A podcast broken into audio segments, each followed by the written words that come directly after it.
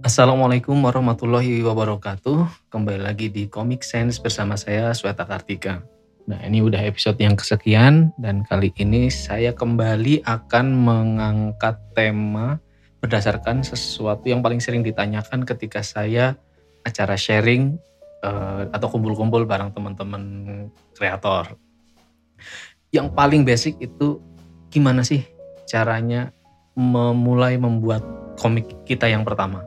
Ini pertanyaan yang paling sering ditanyain karena kenapa ada pertanyaan ini? Mungkin sebetulnya mereka atau teman-teman tuh sudah mulai mencoba membuat komik, tapi kemudian mentok.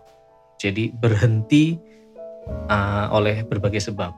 Jadi udah mulai nyoba tapi uh, nggak bisa lanjut. Pertanyaan basicnya tuh standar biasanya kayak saya bisa eh, udah ada dapat ide pengen memulai tapi nggak tahu caranya kayak gimana atau udah mulai tapi nggak kebayang cara mengakhirinya uh, macam-macam yang berkutat di seputar uh, mekanisme pembuatan ya. Jadi teknis lah alasannya biasanya.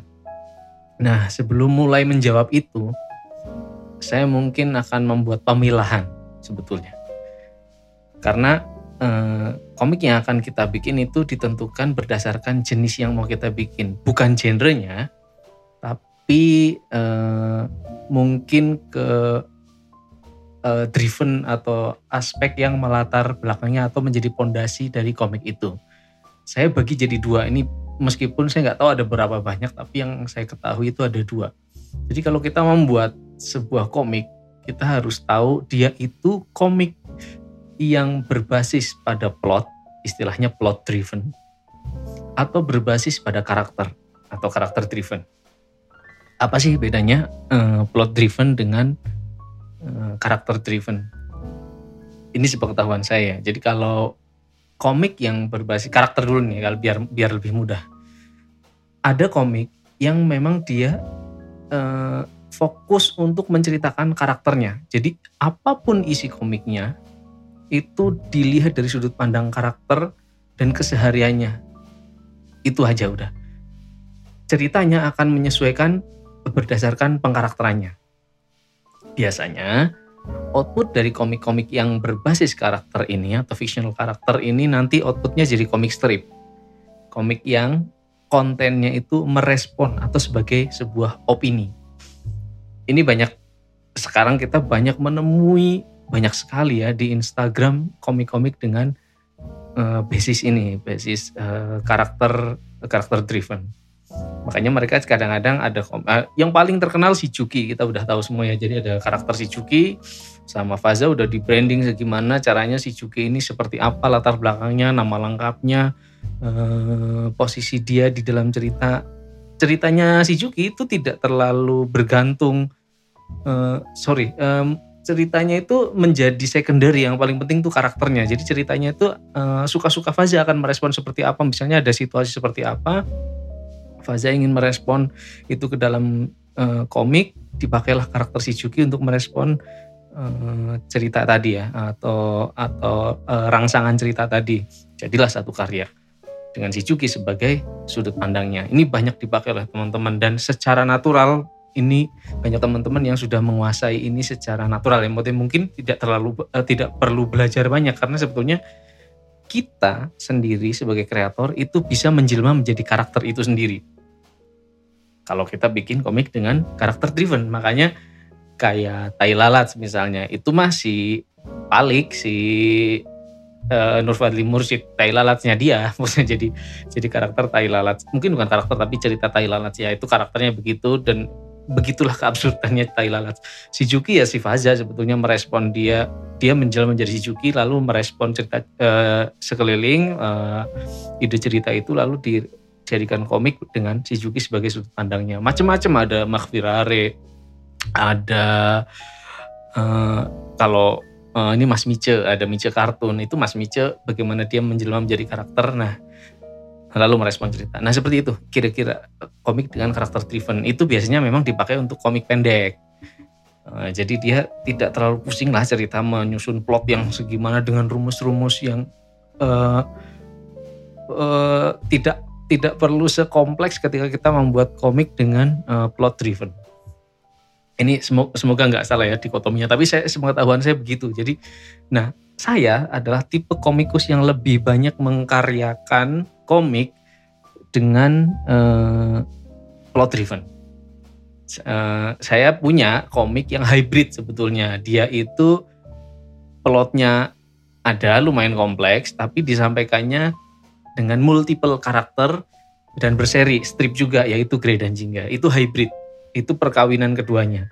Jadi memungkinkan gak sih uh, uh, plot driven iya, karakter driven iya. Memungkinkan itu saya membuat dan Jingga itu dengan cara mengawinkan mengawinkan teknik yang tadi. Jadi saya membebani karakter juga, uh, sorry fokus pada pengkarakteran juga, karakternya seperti apa. Nanti situasinya uh, kalau dan Jingga kebetulan genrenya romance, itu situasinya uh, respon situasi yang saya respon adalah situasi situasi kasus-kasus uh, romansa percintaan jadi kayak cemburu. Kayak gimana sih direspon oleh karakter-karakter Gideon Jingga siapa yang kira-kira mau saya kasih uh, konflik kecemburuan? Kayak gitu. Jadi sebetulnya sama seperti 12 dengan Shizuki dan yang lainnya. Cuman ini hybrid. Jadi dia tetap ada plot besarnya. Ada quote unquote ada tamatnya lah kira-kira. Tapi eh, cerita-cerita seperti Doraemon mungkin Doraemon itu juga menurut saya bagi saya itu semi hybrid itu. Jadi dia coba udah semi hybrid coba. Jadi dia itu per seri bisa pendek pendek-pendek itu mau seribu seri juga bisa selama uh, rumusnya tetap dipegang ya sama sama si apa uh, komik Doraemon ini. Dia tetap karakter driven tapi plotnya tidak ada plot yang sama uh, plotnya tidak sama dengan komik-komik yang berbasis uh, plot driven tadi ya. Jadi nanti saya ceritakan yang plot driven tapi fokus dulu di karakter. Nah, kenapa uh, kita perlu membuat dikotomi ini dulu, pemilahan ini dulu supaya seperti ini. Nanti ketika teman uh, ketika kita membuat komik sebelum jauh sebelum memulai, sebelum menentukan mau plot driven atau character driven, kita harus bercermin dulu atau bertanya pada diri sendiri. Sebetulnya kita tuh mampu nggak sih mengerjakannya? Eh gitu. Jadi rumus saya dalam berkarya itu uh, pastikan kita bisa menyelesaikan karya itu. Itu rumus saya yang paling pertama. Mau kita memutuskan untuk uh, membuat komik dengan plot driven maupun karakter driven. Mungkin bukan menyelesaikan tapi mengerjakan dengan baik. Jadi kita harus tahu sadar dengan kemampuan diri bahwa saya bisa mengerjakan karya ini. Itu nanti men, men, mengukur ya, membuat tolok ukur diri sendiri karena ada yang uh, ini standar ya. Kalau saya juga begitu, waktu masih kecil. Jadi membaca komik Dragon Ball, saya pengen bikin bikin kayak Dragon Ball berseri-seri, panjang ceritanya kompleks apa segala macam. Tapi pada saat itu saya nggak, saya sebetulnya nggak mengakui kalau saya sebetulnya nggak mampu, saya nggak bisa gitu. Tapi keinginan itu ada dan menggebu-gebu.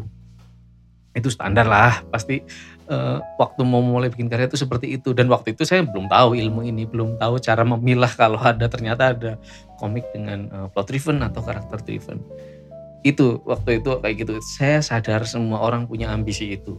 Ada yang punya ambisi berseri-seri ada yang punya ambisi untuk untuk bikin cerita yang kompleks ada yang punya ambisi bikin komik dengan world building yang sangat rumit eh gitu.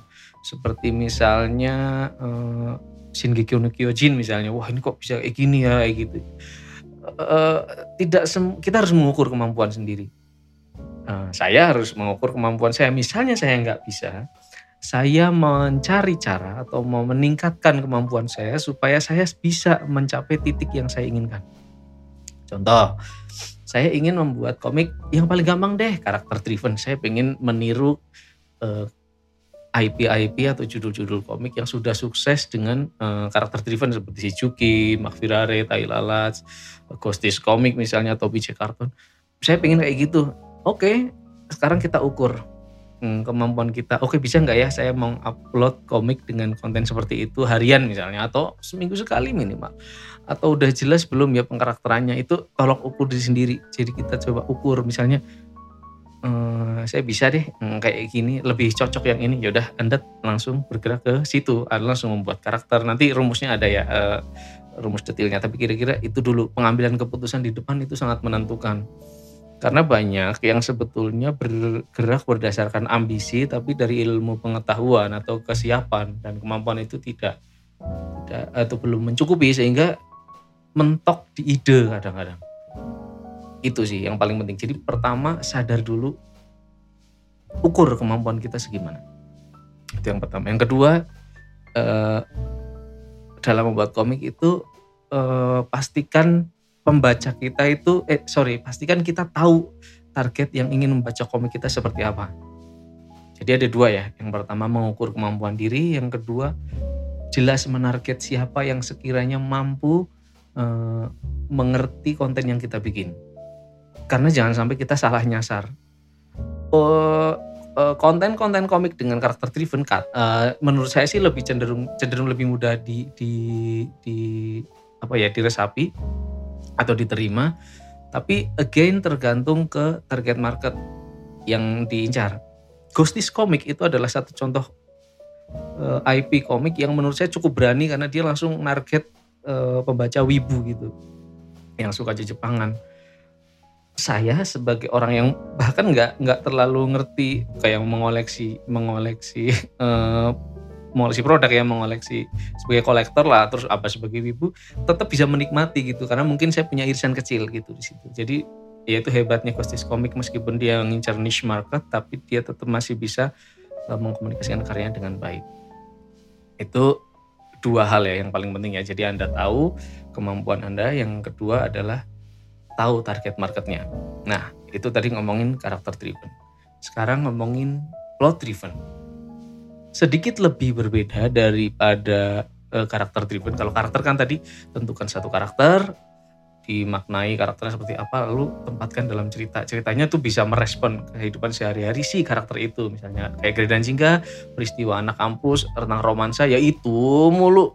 Nggak akan membahas tentang konspirasi teori, nggak, karena nggak cocok, nggak akan bahas perwibuan karena bukan domainnya dan gak akan membahas tentang banyolan karena uh, komiknya tuh romance gitu dan tidak terlalu banyak guyon kayak gitu uh, udah ada brandnya ya kalau plot driven ini sedikit lebih kompleks karena karakter itu bagian kecil dari banyak rumus di dalamnya. Jadi kalau kita membuat komik dengan plot driven ya komik-komik panjang lah saya sebutnya ya. Kayak misalnya uh, One Piece itu udah super super kompleks gitu. Jadi dia udah panjang berba berbasis pada plot. Jadi di situ ada awal ada akhir yang sudah jelas penentuannya gitu. Di tengahnya itu tugasnya kreator untuk me, me, memanjangkan atau memendekkan itu apa kemampuan kreatornya. Tapi bahwa uh, komik-komik dengan plot driven itu pasti ada awal ada akhir ada penyebab ada ada pemula permulaan ada penutupnya. Di tengah-tengahnya itulah uh, cerita yang berlangsung. Komik-komik dengan uh, plot driven ya berbasis berbasis pada plot itu sederhananya menurut saya itu ada uh, rumusnya ada dua. Rumus yang pertama adalah uh, karakter dan konflik jadi cerita-cerita dengan uh, plot driven komik dengan plot driven itu sebuah cerita itu baru berjalan ketika karakter bertemu dengan konflik konfliknya itu bisa berupa konflik personal karakter, bisa konflik di dalam universe-nya. Nah, ada dua tuh. Jadi ada konflik berdasarkan karakternya bisa itu langsung berjalan ceritanya atau konflik berdasarkan uh, universe di dalam karakter itu. Uh, saya ambil contoh, misalnya One Piece konflik pertamanya dia adalah ingin menjadi raja bajak laut. Oke, itu ambisinya dia ya, missionnya dia atau objektifnya dia.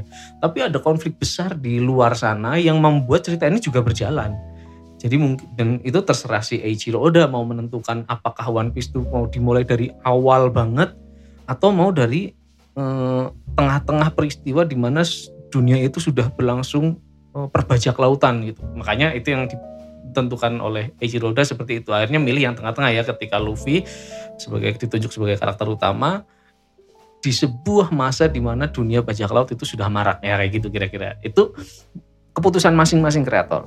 Tapi rumusnya seperti tadi. Jadi ada mula ada akhir terus cerita baru berjalan ketika karakter bertemu dengan konflik.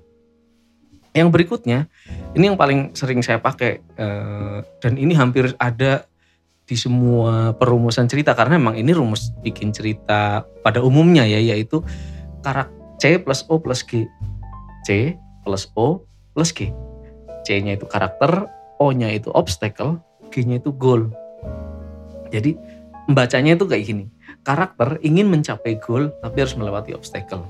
Jadi ada tiga rumus yang harus ditentukan. Ada karakter, ada rintangan, ada tujuan. Itu paling standar sebetulnya. Uh, ini yang biasanya dipakai sebagai rumusnya premis. Makanya ada orang kalau nulis premis, premis itu kayak gimana sih rumusnya? Premis rumusnya adalah ya tadi ada seorang karakter ingin mencapai goal, namun dia harus melewati rintangan-rintangan. Nah kayak gitu. Itu rumus premis paling sederhana. Rumusnya sederhana, tapi pengaplikasiannya bisa sangat kompleks. Komik-komik dengan karakter driven, sorry, komik-komik dengan plot driven itu akan me, mem, mempertajam atau memperdalam unsur-unsur tadi masing-masing jadi tidak hanya karakternya doang yang kuat, tapi tujuan dari e, terselesaikannya cerita kuat, rintangan-rintangan yang dibentuk juga sangat kuat. Saya pernah kuliah magister desain untuk spesifikasinya game ya, waktu itu game dan media interaktif.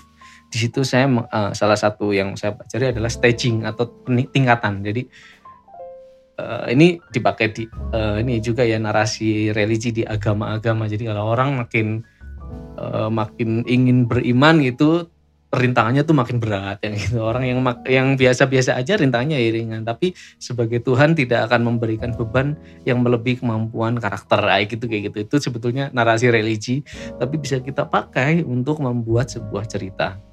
Jadi nanti kita akan membuat konflik-konflik yang disesuaikan dengan tingkatan karakter pada saat itu.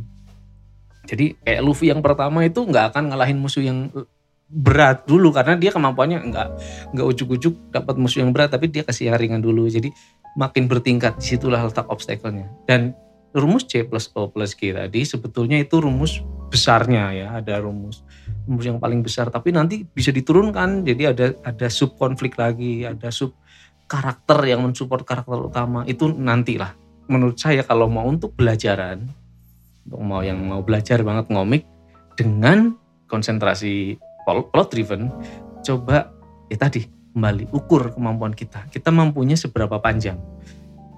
Saran saya coba bikin satu chapter pilot. Apa itu chapter pilot? Satu chapter yang langsung tamat lah kira-kira gitu tapi dengan open ending. Standarnya eh, 32 halaman. Ini yang yang saya dan Alex Irzaki pakai uh, untuk komik-komik di Padepokan Raga Sukma. Jadi kami di Raga Sukma itu semua menentukan bikin satu pilot atau chapter satunya atau bab satunya itu 32 halaman setidaknya. Meskipun ada yang lebih, ada yang 36, ada yang ada yang 40 kayak gitu. Boleh, tapi setidaknya segitu. Supaya tahu itu memang kayak standar basic untuk komik uh, dengan uh, konten pilot ya. Konten pilot tuh konten pertama lah berbasis plot driven. Kalau karakter kan tadi ya beda ya, mungkin lebih ke comic strip. Tapi komik-komik dengan plot driven tuh seperti itu. Saya kasih challenge selalu ke teman-teman Raga Sukma itu, coba bikin segitu dulu deh, 32 halaman. Supaya kita tahu ini universe-nya seperti apa, karakternya seperti apa, konfliknya seperti apa. Dan sebisa mungkin C plus O plus G tadi udah ketahuan bahkan di depan. Jadi udah tahu ini karakter mau ngapain lalu melalui rintangannya. Itu tugasnya si kreator untuk membuat rintangannya seperti apa, alurnya seperti apa rumusnya nanti akan lebih kompleks, tapi setidaknya itu dulu. Jadi dengan kita menentukan plot driven, kita tahu eh, perumusan tadi itu akan seperti apa bebannya. PR-nya akan lebih kompleks ketika nanti membuat eh, multiple karakter. Multiple karakter artinya multiple konflik. Bisa nggak sih multiple karakter konfliknya tunggal bisa? Misalnya Nusa Five. Karakternya ada lima tapi konfliknya satu tujuannya cuma satu menyelamatkan dunia. Nah, tapi di situ ada sub konflik di masing-masing karakter misalnya. Karena kan tidak harus bareng-bareng terus tuh berlima. Kayak Luffy pun begitu ada berapa tuh anggota bajak lautnya. Meskipun ada big uh, objection yang sama ingin saya nggak tahu objeknya juga uh, belum pernah di reveal ya. Kita cuma masih ngeramal-ngeramal misalnya dalam menyatukan dunia dalam satu peta. Oke okay, itu objectionnya. Tapi nanti tetap ada multiple konflik di setiap obstacle yang berbeda. Ada stage 1 di pulau mana, stage 2 di benua mana. Seterusnya seperti itu. Tapi untuk awal-awal coba bikin uh, yang pendek dulu. Bikin satu pilot 32 halaman dengan konsentrasi pemikiran tadi. C plus O plus G. Yang sederhana dulu aja. Karena saya paham ambisi itu ada. Saya pun uh, sangat berambisi waktu awal dulu sekali uh, ingin membuat komik dengan wah saya ingin komiknya berseri-seri panjang itu nanti karena itu memang untuk yang udah akil balik lah ibaratnya. Jadi sekarang kalau masih baru mulai dan memang tahu ukuran uh, udah mengukur kita kemampuannya segimana, sehebat apa pun coba mulai mulailah dengan pilot yang satu chapter tadi 32 halaman lah setidaknya segitu. Kemarin saya udah pernah cerita juga yang di Dreamcatchers meskipun dia 70 halaman, 81 malah 81 halaman, tapi itu tetap statusnya pilot. Artinya saya menamatkan di situ. Karena uh, kita biar tahu tolak ukur kita segimana. Karena kalau kita sudah merancang terlalu panjang untuk pemula ya itu kita tidak pernah tahu ukuran kita segimana. Mendingan coba ukur satu. Katakanlah gini lari 100 meter aja nggak mampu apalagi mau lari maraton dengan kecepatan yang sama. Nah itu kita harus sadar dengan challenge yang seperti itu. Makanya saya coba uh, pikir ulang tuh. Kalau saya sarankan ulang juga ke teman-teman yang lagi mau ngomik saya pengen kayak gini mas kompleks. Uh, saya pengen serumit ini ceritanya. Saya paham itu ambisi kita semua. Tapi coba latih dulu dengan sesuatu yang pendek. Komik yang pendek dulu dengan rumus plot driven yang sama dengan komik yang panjang. Padahal sebetulnya rumusnya sama, cuman beda interval aja. Kalau ini lebih panjang, ini lebih pendek. Nah untuk latihan coba yang pendek. 32 halaman aja dulu. Kalau sampai bisa Anda hebat. Berarti itu step satu sudah terlalui gitu setidaknya. Tapi komik uh, ide cerita saya untuk uh, komik ini tuh kompleks gimana? Nah kemampuan atau kehebatan kita sebagai komikus justru ketika kita bisa membuat penyederhanaan dari sebuah kekompleksan cerita. Jadi saya punya ide cerita yang kompleks untuk The Dreamcatchers, tapi saya bisa menyampaikan itu dengan sangat sederhana dan orang enjoy, berhasil Anda. Karena sebetulnya beban dari sebuah cerita atau sebuah komik yang bisa dinikmati itu bukan dari kerumitan universe atau kerumitan konflik, tapi dari keseruan kita bercerita di dalam gambar. Mau 32 halaman, kalau kita memang sangat ahli menceritakannya, ya berarti itu bagus komiknya langsung bisa diterima, apalagi ada maknanya. Minimal ngeflow dulu aja lah ceritanya. Jadi itu ya pembagiannya ya kira-kira ada dua. Jadi nanti teman-teman kalau mau membuat komik pastikan dulu Anda mau memilih sebagai karakter driven untuk komik-komik strip atau uh, plot driven untuk komik-komik yang panjang. Uh, untuk permulaan mulailah dengan chapter 1 sebanyak 30 24 sampai 32 halaman, tapi saya sarankan 32 itu lebih mudah uh, ngatur flow-nya itu. Tapi kalau Anda membuat hybrid seperti yang saya lakukan untuk Red dan Jingga bisa, tapi setidaknya pahami dulu kemampuan Anda dan kecocokan uh, cangkang cerita tadi ya, pembentukan cerita tadi berdasarkan IP atau ide yang ada di kepala Anda. Saya kira itu untuk podcast kali ini. Jadi untuk mau belajar mulai ngomik itu kira-kira itu dulu kemampuannya nanti saya akan tambah lagi di podcast berikutnya. Terima kasih sudah menyimak. Assalamualaikum warahmatullahi wabarakatuh. Podcast ini didukung oleh monkeymelody.com dan menjadi bagian dari suarabaik.id.